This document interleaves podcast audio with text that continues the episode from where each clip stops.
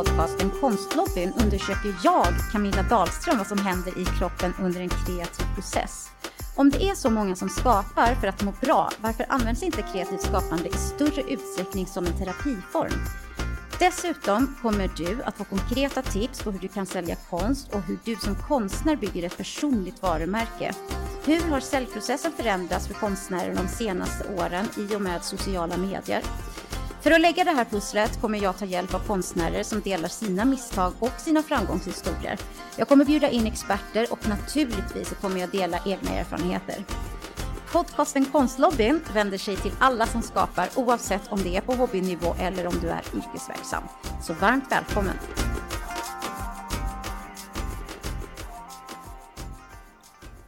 I detta avsnitt träffar jag Mikael Altersten, konstnär och kreativ projektledare med många års erfarenhet. Vi samtalar om klimatet för de som vill sälja konst och hur kartan har ritats om i och med de digitala kanalernas intågande. Mikael har släppt Utställningsguide för kreatörer där du får fem handfasta tips på en lyckad utställning. Och den kan du ladda ner på alterstenart.com eller följa länken som finns på konstlobbyn.se. Nu kör vi! Varmt välkommen hit Mikael. Tack, tack. Berätta, vem är du? Jag är kreativ, 44 år snart. Hållit på med konst till och från hela mitt liv faktiskt. Jag har drivit många projekt. Ända sedan, jag tror jag drev mitt första konstprojekt 2004 eller 2005. Ja. Då tog jag norska konstnärer till Sverige som jag lärde känna när jag utbildade mig i Norge. Okej, är uh, du från Norge eller? Nej, men jag, jag, flyttade till Norge när jag var 20. Mm -hmm. Ungefär. Och där både jobbade jag och eh, gick på en skola som heter Idéfags, eller hette Idéfagskolan då. Och där gick jag en linje som heter multimedia och där fick man lite av allt det här. Alltså lite projektledning, lite konst, lite teckning, lite eh, programmering och så vidare och så vidare. Det var en privatskola så jag fick min utbildning skräddarsydd efter mina intressen då. Hur började din konstnärsresa? Alltså från början, från början? Alltså det började så, jag är så pass, jag, jag är så pass gammal så jag är, den här, jag är före internet och allt det där. Ja. Och det är också, när jag var liten eh, så jag läste både mycket Narnia-böcker och annat och min mamma läste, vi var utomlands när jag var liten mycket, mamma läste sagoböcker för mig och sådär och det, det satte igång fantasin hos mig.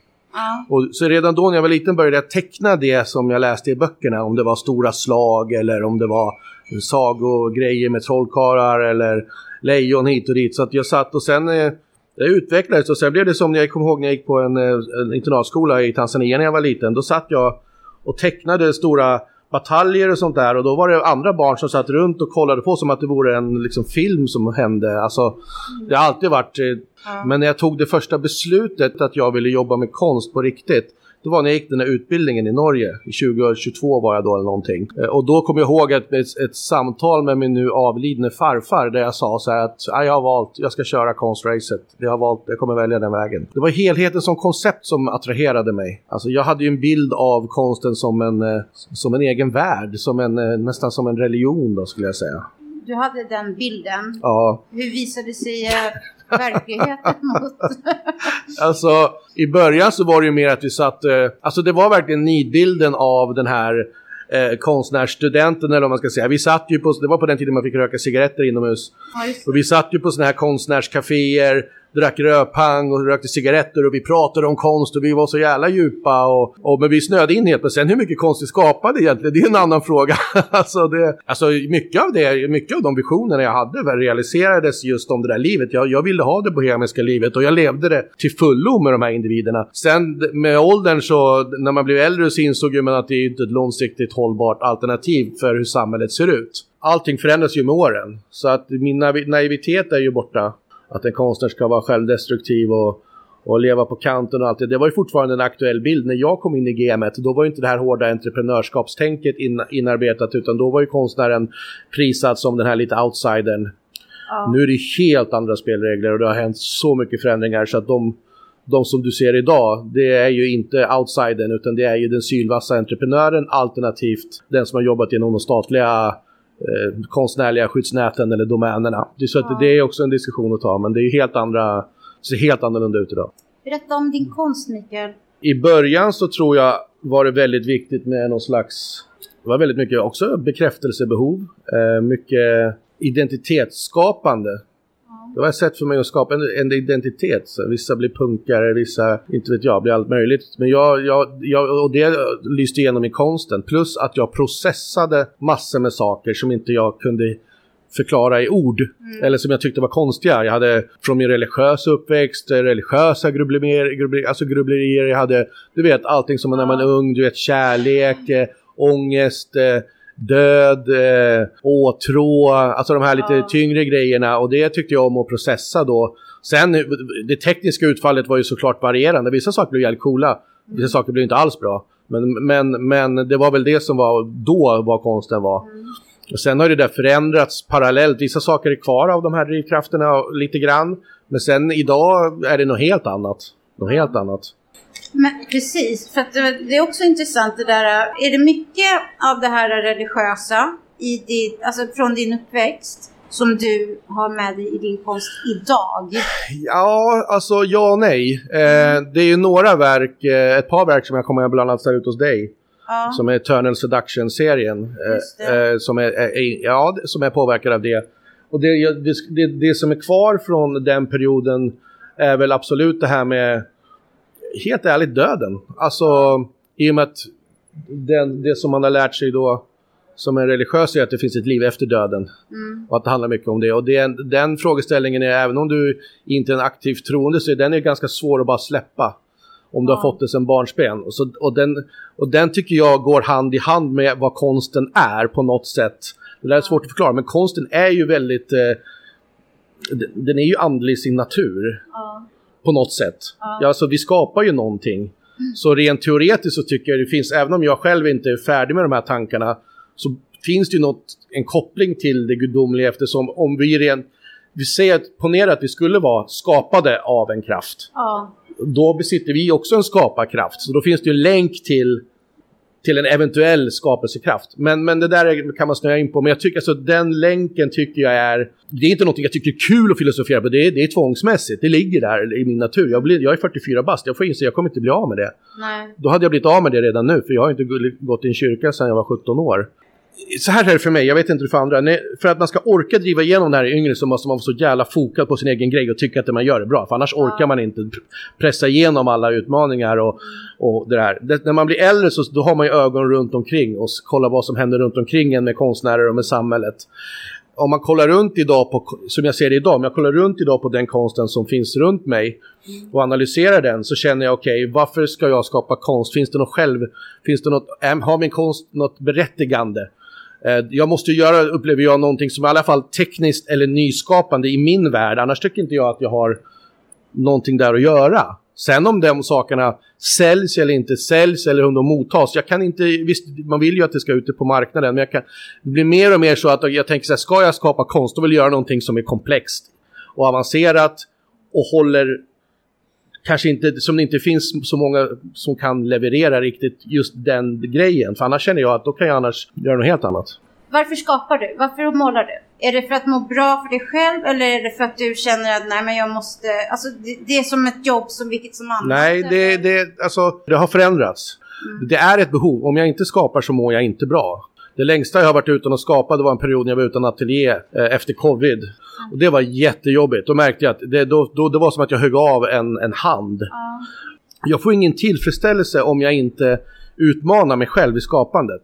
Processen för mig är, det, det, det är just det jag vet nu. Jag vill bara utmana mig själv i skapandet och jag vet också att jag inte mår bra om jag inte får skapa. Men det är inte alls viktigt för mig att bli en jättestor erkänd konstnär eller den biten har, har, det var viktigare när jag var yngre. Nu vill jag bara försöka ta fram grejer som jag tycker är intressanta de konstnärer som säger det, jag struntar i vad betraktaren tycker och det, jag bryr mig inte om marknaden, marknaden tycker det är bull. De talar inte sanning enligt mig. Jag känner många konstnärer. Mm. Jag vet hur det är. På. Jag har varit assistent på utställningar med upp till 80 konstnärer. Jag har själv drivit projekt alla vill sälja sin konst. Så att, att, att man skapar, visst du skapar för dig själv, men du skapar även för betraktaren. Det är i alla fall. Sen kan det vara så att vissa projekt jag har gjort, många av de dyraste och mest komplexa projekt jag har gjort, det har varit bara för mig själv för att processa någonting och som inte alls har varit kommersiella. Det har varit någon konstfilm jag gjort som typ har så 50 views på YouTube där vi hade sminkös, vi hade.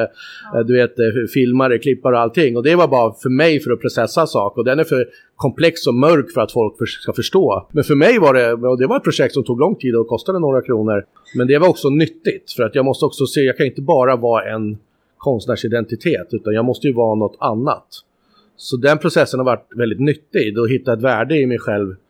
Alltså försöka hitta ett värde i mig själv utanför konsten och inte värdera mig själv bara i bekräftelsen jag får från det jag skapar. Eh, och där, det är nyttigt och den processen genomgår jag nu sent om sidor att jag, Mikael, har ett värde även om inte jag gör den fetaste konst. Kommer du ihåg din första tavla som du sålde? Nej, det gör jag inte. Tycker du att det är samma känsla idag eh, när du får den såld? Jo, alltså det var en svår fråga. Första gången jag sålde konst var wow, det är klart att det var en kick. Man bara wow. Ja. Och det var inte speciellt schyssta grejer, alltså det var inga bra grejer när man kollar tillbaka på det. Men de, de gick, jag tror jag Första tavlan sålde var för en 500-lapp eller något sånt där. Mm.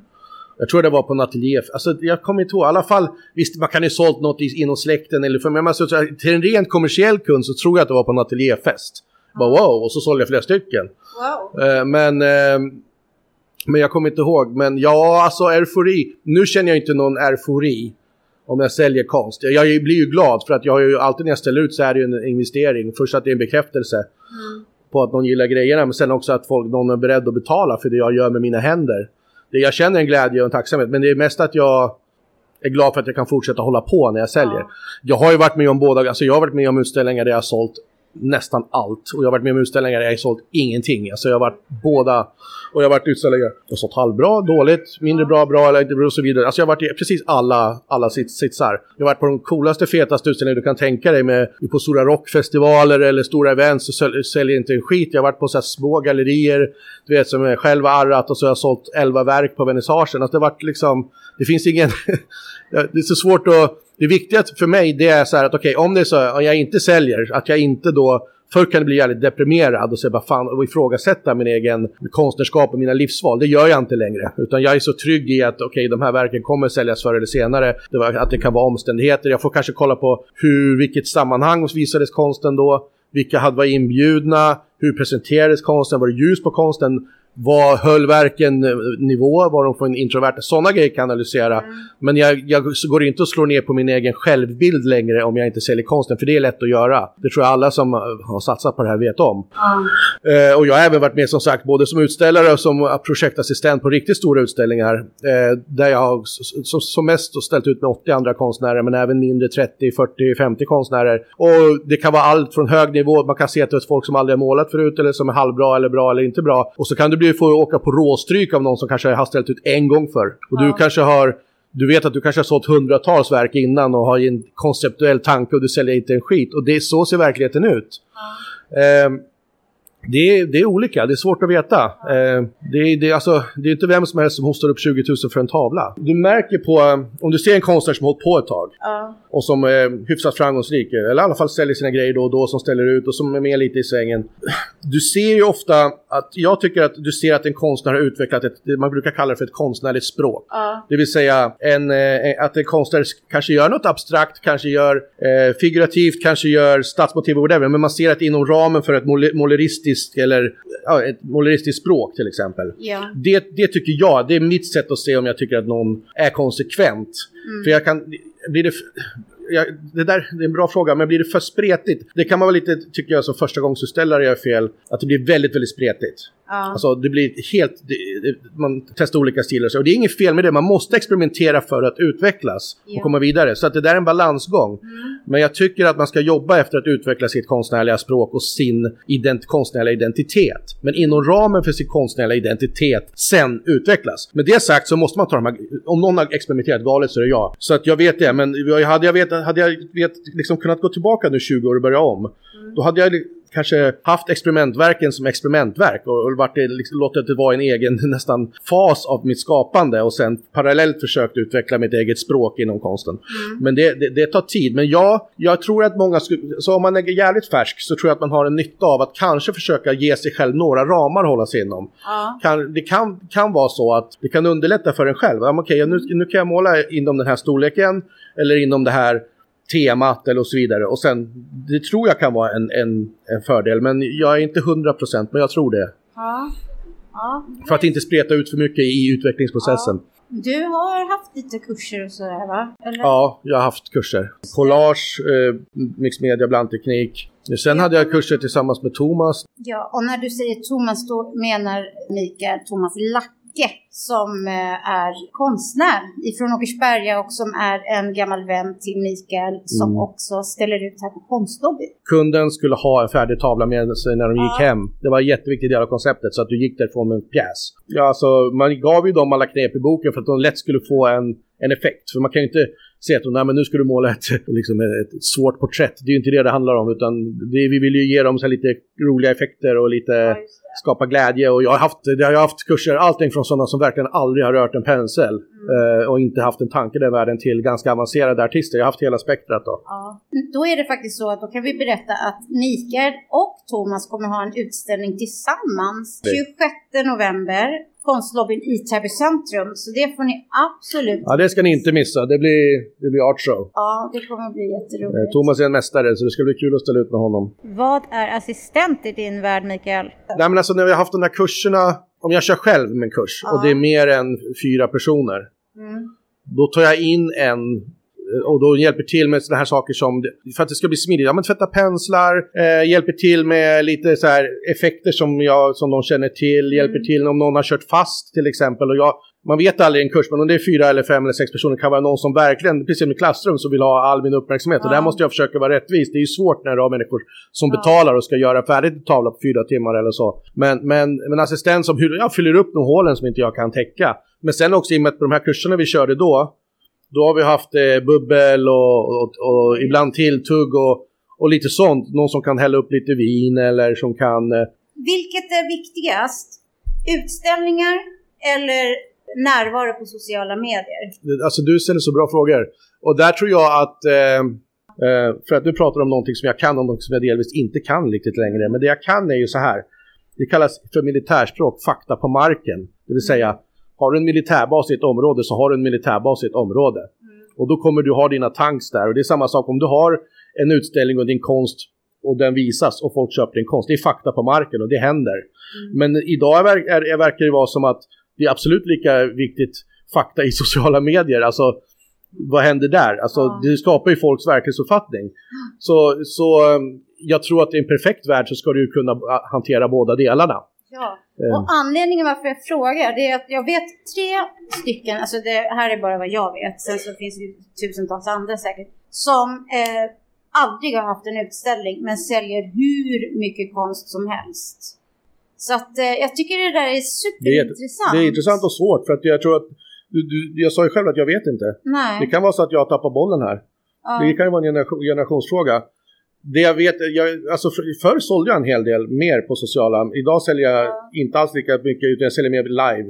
Mm. Men eh, alltså jag har ju sålt tavlor alltså över 20 000 flera gånger på, på mm. sociala medier. Men jag tror... Nej, för jag tänker hur det då var eh, om du var konstnär för 50 år sedan och inte hade de här sociala medierna. Mm. De, då var ju bara utställningar. Ja, men då var det ju en annan, då var det ett helt annat, eh, det var en helt annan arbetsstruktur. Ja. Du, du kunde ju inte bara, alltså, det var ju redan så när jag började, så det var ju då det började luckras upp. Mm. Men det var ju, det, det, förändringen gick ju lite långsammare för konstnären än för musikvärlden. Ja. Men alltså i, i, alltså i musik, det var ju som i musikvärlden att hade du inte ett skivbolag förr i tiden, då, mm. då fick du inte ut din musik. Nej. Det var ju skivbolaget som var vägen till, det var ju gatekeeper. Och det var ju galleristen som var the gatekeeper förr. Ja. Alltså att galleristen var garanten för att du ska få ut din konst men också en kvalitetsgarant för att det var bra kvalitet. Ja. Uh, så att, att, att, ställa ut utanför de ramarna det var ju mer eller mindre en omöjlighet. Ja. Men idag, jag menar de flesta idag kommer ju fram på ja, men TikTok eller de, många musiker idag de började själva på Youtube och så vidare. Så det är ju en revolution som har skett bara de sista åren. Mm. Uh, och där vet inte jag om det kommer bli så att de här kunskaperna kan uh, integreras. Alltså jag, jag, jag, vet inte vad som kommer hända, jag har ingen aning. Nej. Det, det, jag hänger inte själv riktigt med på TikTok-generationen till exempel. Nej. Jag vet inte hur den kommer påverka konstvärlden. Jag vet inte vilka sociala medier som kommer gälla för konstvärlden, för Facebook känns ju inte så hett längre. Det, alltså det, är, det är intressant att se vad vi är på väg, för någonstans är vi på väg. Vi vet ja. ju inte riktigt. Jag vet inte hur... Det finns ju nätagenturer som äh, säljer bra via nätet, så de är ju duktiga på e-handel. Mm. Eh, jag har jobbat med några stycken och sålt ganska, några verk där och, och det funkar ju på något sätt verkar det som och de har ju inga lokaler eller gallerier och så. Men eh, det är inte riktigt, jag vill inte jobba så. Så jag är lite grinig gubbe, jag försöker, jag vill tillbaka till, jag försöker, jag vill försöka hitta mitt sätt igen. Mm. Eh, det tycker jag är roligare. Men du, eh, konstvärlden kan jag uppfatta som exkluderande. Ja, alltså jag säger att i, enligt, enligt mig så finns det ju, för det första finns det ju flera konstvärldar. Förr var det väl lite mer så, en konstvärld och det var, det var makten. Det har ju luckrats upp successivt och har fortfarande det att man skulle kunna säga som det är en konstvärld. Men jag skulle, jag skulle istället säga så här, du har en akademisk konstvärld som jag ser det. Först och främst ska jag förklara vad jag menar med den akademiska konstvärlden. Och då menar jag då statliga institutioner, de konstnärer som har gått konstfack eller en konstakademisk erkänd utbildning. Det finns ju några sådana skolor i Sverige, det är inte så många. Och konstinstitutioner och de gallerier som jobbar inom ramen med, med de aktörerna. Då är det så att de konstnärerna har ju då varit, är ofta berättigade till vissa typer av stipendier. De kan gå in, de analyserar saker mer på djupet. Eh, du kan komma in på konsthallar, vissa konsthallar och så vidare. Och då blir en, har ofta blivit en mer introvert eller kan bli en, mer, en konst som inte har som första syfte att sälja till marknaden. För det behovet har inte varit lika starkt då det har funnits andra försörjningsstrukturer i den akademiska konstvärlden. Den kommersiella konstvärlden det är ju den där du driver entreprenörsdrivna, där du åker på med folk som kanske inte har de här utbildningarna som är akademiska som bara kör, som arrangerar utställningar, som, som vilket entreprenörskap som helst, bara att de har valt det kreativa. Mm. Och eh, i sin tur, de här två konstvärldarna har börjat överlappa varandra.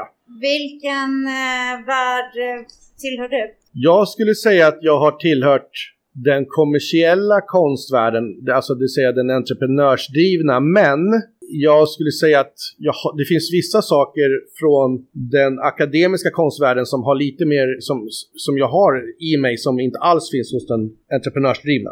Eh, så att jag har lite av av deras tänk, alltså den akademiska, alltså det har kommit med åldern. Förr var jag bara tänkte att nu ska jag köra mot systemet, köra den kommersiella. Men det där, jag tycker om den konstvärlden på det sättet att det var så jag tog mig fram och det var där det var en frisk fläkt och det var bra att den utmanade den akademiska konstvärlden. Däremot så kan jag tycka att nu har det ju blivit jag kan tycka att det blir totalt avsaknat av djup i den kommersiella konstvärlden. För att det är som, du måste hela tiden ut, ut, pusha dina grejer, pusha dina grejer dansa runt i sociala medier, dansa runt i sociala medier, pusha dina grejer. Så det, det, finns inget utrymme eller tid för en konstnärlig reflektion. Det, det är det jag kan störa mig på i den kommersiella världen. Och i den akademiska världen har jag tyckt att den har blivit tvärtom då, att det har bara blivit navelskådande och väldigt politiskt styrt.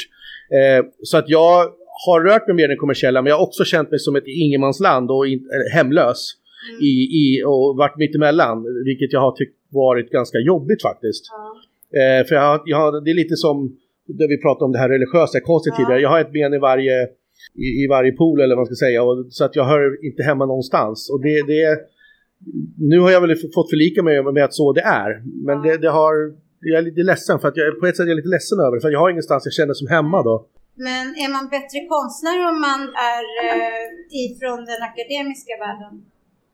Nej, det skulle jag absolut inte säga. Jag har ingen aning. Alltså, det finns ju jättemånga autodidakta konstnärer som är helt supergrymma. Eh, så det, där, det där skulle jag säga... Oj, du ställer frågan. Okej, okay, vi börjar så här då. Om du tar det jag kan tycka med många av de jättespännande konstnärer är helt autodidakta. Eh, för att de är fria i tanken, de har inte blivit styrda av en utbildningsstruktur och så. Som jag tycker, inklusive mig själv, skulle ha haft nytta av att ha gått mer grundläggande, helt grundläggande tekniska utbildningar. Jag har gått några stycken men inte tillräckligt tycker jag nu när jag ser tillbaka på det. Ja. Men med det sagt, också i den akademiska världen så har du många som har fått rejält bra utbildning. Sen tycker jag, min åsikt är att det har, det har blivit, det är för styrt. Alltså det, ja. Det har varit både politiskt styrt och styrt, eh, nästan estetiskt styrt. Det har varit som ett bildspråk som har varit OK inom den akademiska konstvärlden. Alltså du har fantastiska konstnärer på båda sidor tror jag. Och nu som sagt, nu börjar de här världarna överlappas. Men mitt svar är att det är absolut, det kan vara lika bra konstnärer på båda sidor. Vad eh, ska man tänka på som eh, en ny konstnär? Vi säger att det är en konstnär som har hållit på hemma nu i ett år säger vi och har lite tavlor hemma. Förutom att man kan bli medlem i konstlobbyn då och få sin egen webbsida. Mm. Eh, så vad, eh, vad ska man mer tänka på? Alltså om vi pratar om det du sa nu, någon som har hållit på något år och har ett gäng tavlor hemma. Ja och vill att det ska hända någonting och vill testa så säger absolut att du ska arra din egen utställning. Ja. Utan tvekan. Mm. Det tycker jag är, eh, bara det, det är en kick. Mm. Och då eh, kontaktar man eh, eh, något galleri? Det finns ju jättemånga hyrgallerier. Ja. Eh, och de, nu pratar jag, jag har ju mest snackat om Stockholm så jag vet inte hur det är i resten av landet men jag antar att det finns i hela landet. Eller de flesta städer i varje fall, mm. större städer. Men i alla fall i Stockholm har du en uppsjö av hyrgallerier. Ja. Och beroende på när du bokar galleriet, alltså det, priserna brukar variera mellan 5 och 10 000 per vecka. Ja. Det har att göra med vad det är för galleri, vad det är för location och när. För vissa årstider mm. är ju populärare än andra och vissa... Så jag tycker att har du en kollektion som är hyfsad och som du kan stå för. Mm. Eh, men som, det behöver inte vara helt klar. Men säg att du bokar ett galleri mellan, om ett halvår till exempel det är en bra tidsspann där du har grunden. Mm. När du väl har bokat galleriet och har det signat och klart, då har du ett datum. Och då, då måste du förhålla dig till det. Plus att du vet vilken lokal du ska ställa ut i. Så du vet ungefär hur mycket konst du ska ha. Du vet vad du ska ta fram. Du vet förutsättningarna. Det, det, är, det är det absolut viktigaste. Då har du det klart. Mm. Eh, då har du också din baskollektion klar. Sen ska, tycker jag du ska börja du ska börja fila på alltså, själva grund. Vad är det för tema du vill ha? Du ett tema för utställningen? Ja. Det är ganska bra att hitta ett paraplytema. Och det kan gärna vara ett generöst och brett tema så att du kan få in kanske din lite halvspretiga kollektion mm. inom ramen för det temat. Eh, och sen ska du bara börja fila på marknadsföringen parallellt med att du förbättrar din kollektion såklart fram tills, fram tills utställningen. I marknadsföringen, vad jag gjorde, alltså nu vet inte jag exakt hur det funkar med GDPR. Men vad jag gjorde som, när jag hade tema klart designade jag en inbjudan. Ehm, och den tryckte jag hos en tryckare. Um, och sen gjorde jag en digital inbjudan. Planerade jag eventet. Okej, okay, jag tänkte så här, jag försökte bara vara jag måste ha någon som hjälper till att servera vin. Jag måste ha någon i dörren som hjälper folk att komma in. Jag måste ha eh, prislappar. Alltså jag, jag bara satte mig ner och skrev ner allting som jag kunde kom på behövas inför en utställning. Det som är fördelen när man är förstagångsutställare det är att du har en goodwill, du har ett fönster av goodwill. Ja. Folk är, om du gör dina, om du verkligen satsar så finns, mm. folk har ett gott öga till att du, test, att du, att du kör. Mm. Och många kommer köpa din konst för att de har ett snällare öga mot din konst för att de vet vem du är. För på din första utställning så kommer eh, du operera inom det som kallas för den varma marknaden, det vill säga det är smekmånaden fast du, mm. då, då, då du, du kanske gör en tavla som är så här halvbra men någon kommer, ja ah, men det här är vi säger att vi pratar om en fiktiv person, det här är X som har gjort den, och jag, jag köper den. Ja. Och, och den här vågen kan man surfa på några, några gånger. Sen, och, och den, den goodwillen, den, du kommer sälja om du håller rimliga priser. Du, du går ut och gör det här bra, du gör det snyggt, du gör det proffsigt. Du kommer sälja. Mm. Eh, du kanske inte kan ta hutlösa priser, du får ta lite realistiska priser. Men folk kommer vilja hjälpa dig och stötta dig eh, om du har vettiga människor i din krets. Så är det. Då har vi eh, ett bra utgångsläge här. Att man ska boka galleri och i, med bra framförhållning och man ska ha ett eh, tema. Vi har redan kommit, pratat med mm, Ett paraplytema, ja. ja. Och så ett eh. budget. Man ska självklart eh, räkna ut en budget i det här. Eh, får du tänka på, självklart gallerihyran blir troligtvis den största kostnaden. Ja. Marknadsföringsbudget. Mm. Det, och sen lite tilltugg, förtäring. Just ska du ha, du kanske har någon polare eller någon släkting som hjälper dig alternativt om du ska hyra in någon som, ja. som hjälper dig. Ja. Eh, var inte själv på vernissagen, du kommer behöva hjälp för alla ska hälsa på dig, alla vill snacka med dig. Eh, alla ska hänga av sig jackorna. Eh, då vill du kunna fokusera på att mingla och prata om din mm. konst och göra affärer. Så då ska du ha, du ska ha avlastning. Ja. Eh, så att du, du, du, du, det, är, det är några kronor. Eh, så att det är, det, det är ingen easy fix. Men det är viktigt samtidigt så varför jag sa att det var så viktigt med lokal, jag vill komma tillbaka till, till det med att hur viktigt det är med att boka lokalen för då får du tummen ur. Ja. Annars blir det inte av. Jag kommer ihåg jag för många hundra herrans år sedan så var jag vän med en god vän, Galleri, Galleri HG, en, Hans-Göran Eriksson. Han har, jag har jobbat mycket ihop och han har varit mentor till mig i många år. Och för många, många år sedan, alltså det här var 2007 eller någonting, så sa han så här. Du får låna mitt galleri gratis om tre veckor. Nej förlåt, om tre månader. Så var det, tre månader. Jag bara, men det var ju skitsnällt, men jag har ingen konst. Nej. Han bara, nej, men du får låna dem tre månader. Vill du det så tar du annars så får du inte. Jag bara, du vet. Och det var ju bara att börja måla och bara liksom sy ihop en utställning eh, och allting. Och det var ju de stressigaste månaderna i mitt liv. Men det var skitkul sen. Sen nivån, visst, vi, vi sålde konst, det var värsta eventet, men sen nivån på det jag gjorde kanske var jag kanske ville ha jobbat mycket mer på det, men jag fick i alla fall tummen ur. För Ja. att jag, jag fick, det, blev så, det det var en nyttig lä- läxa för mig. Det här med deadlines, alltså Ja, deadline. ja. Deadlines är jättenyttigt, för annars blir det inte av. Jo, prissättning. Hur ska man tänka? Ja, det där är jätteintressant faktiskt. Och det, det är intressant på riktigt. Mm. Ehm, Mm. Alltså du ska hålla en prisnivå som gör att du behåller din värdighet, men du ska inte bli girig. Mm. Det är ingen som kommer ta dig på allvar om du tar för mycket betalt och det är ingen som kommer ta dig på allvar om du tar för lite betalt, utan du måste hitta rätt väg. Eh, det där får man ju testa sig fram. Du, di- din konst, alltså det är ju vad kunden är beredd att betala i slutändan. Ja. Det, det visar sig ju i slutändan, men du måste också tänka på, vi säger att du ökar priserna successivt men kontrollerat och strukturerat Mm. så att du inte eh, straffar ut dig själv. Eh, vissa säger 10-15, nu vet vi inte, nu är det inflation och sådär, men, men alltså du vill ju öka priserna lite grann hela tiden men du vill ju kunna göra det inom en ram för kundgrupp därför att det finns ju faktiskt jag vet inte hur det är nu, men förr i tiden fanns det någon slags oskriven regel om att, och det här var många år sedan, men att kostar ditt, kostar ditt verk över 50 000, då ska det vara ett investeringsvärde i det verket. Det vill säga att om någon köper ett, över en viss, jag vet inte, det kanske ligger högre idag, det kanske är 60.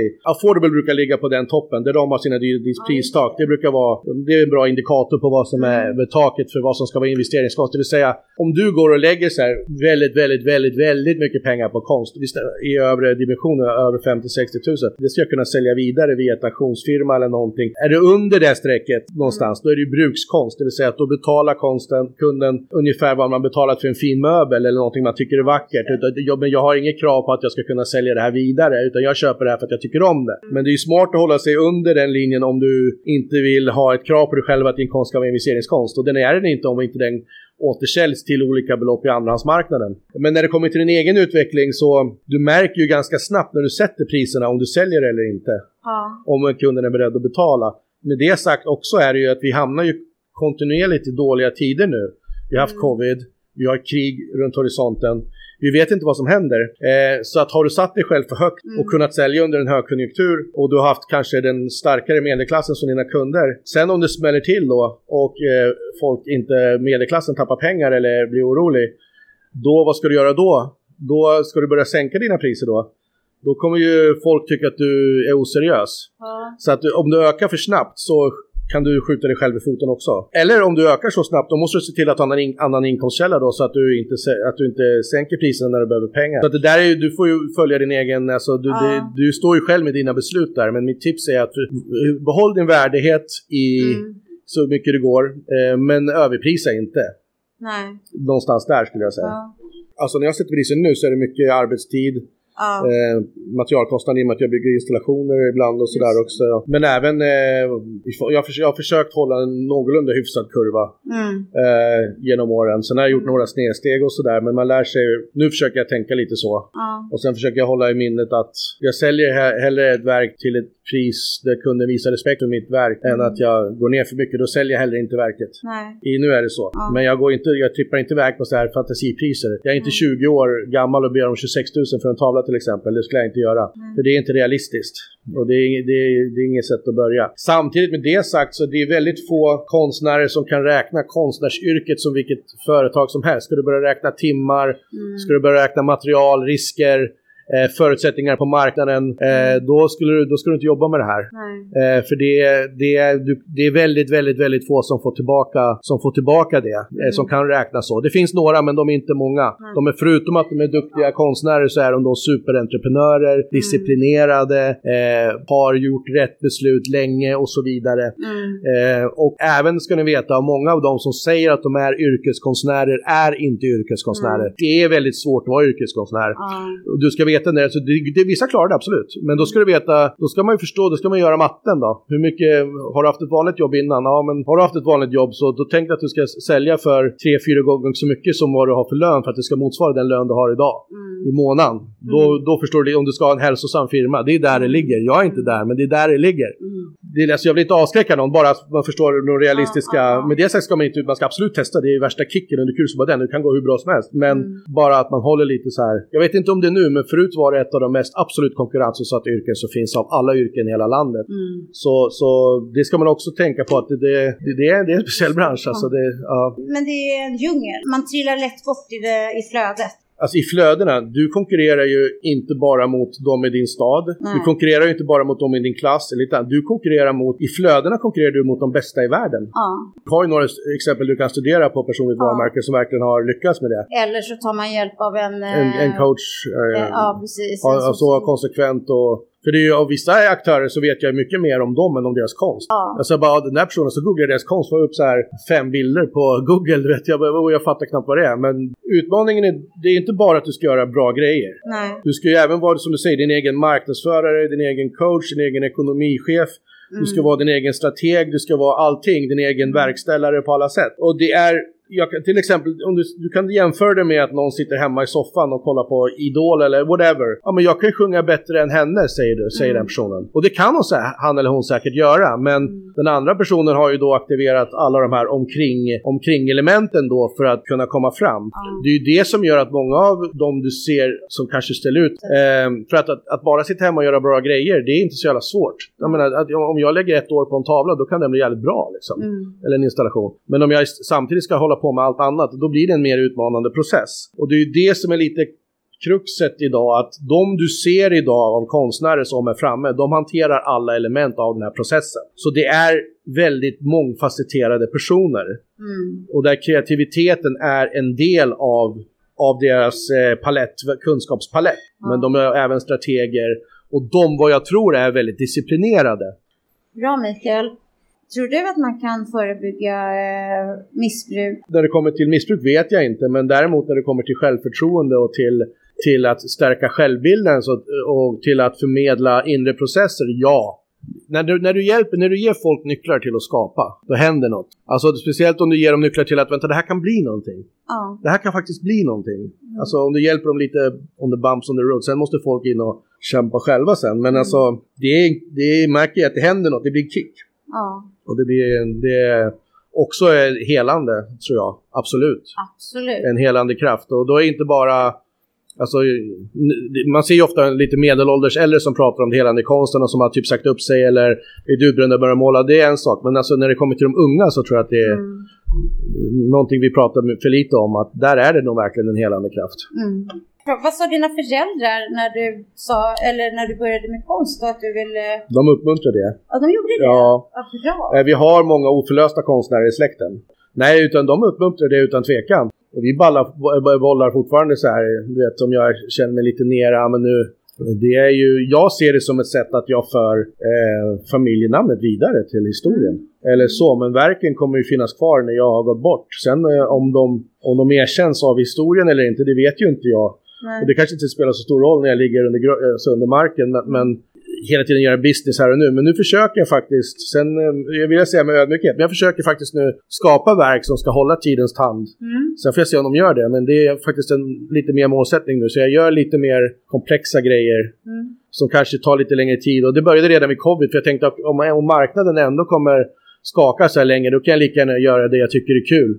Mm. Och, och inte försöka bara pressa fram grejer för att eh, Mikael, eh, jag vet att du, du kommer ju tillbaka, du och jag och eh, Thomas Lacke som vi har pratat om tidigare. ja, Vi ska sitta ner och eh, prata lite här om några veckor. Så att, eh, men tusen, tusen tack för att du kom till eh, Konstlobbypodden. Tack så mycket. Tack så mycket. Hej, hej. Hej hej. Om du tyckte om den här programformen får du gärna gilla, följa och dela. Avsnittet är producerat av företaget Konstlobbyn som är en kreativ mötesplats där konstnärer och konstköpare möts. Är du konstnär kan du bli medlem i Klart och då får du sälja dina tavlor online utan krångel och mellanhänder. Och då får du också 15% rabatt på konstnärsmaterial och bättre priser och villkor på utställningar. Gå in och läs mer om vårt medlemskap på konstlobbyn.se.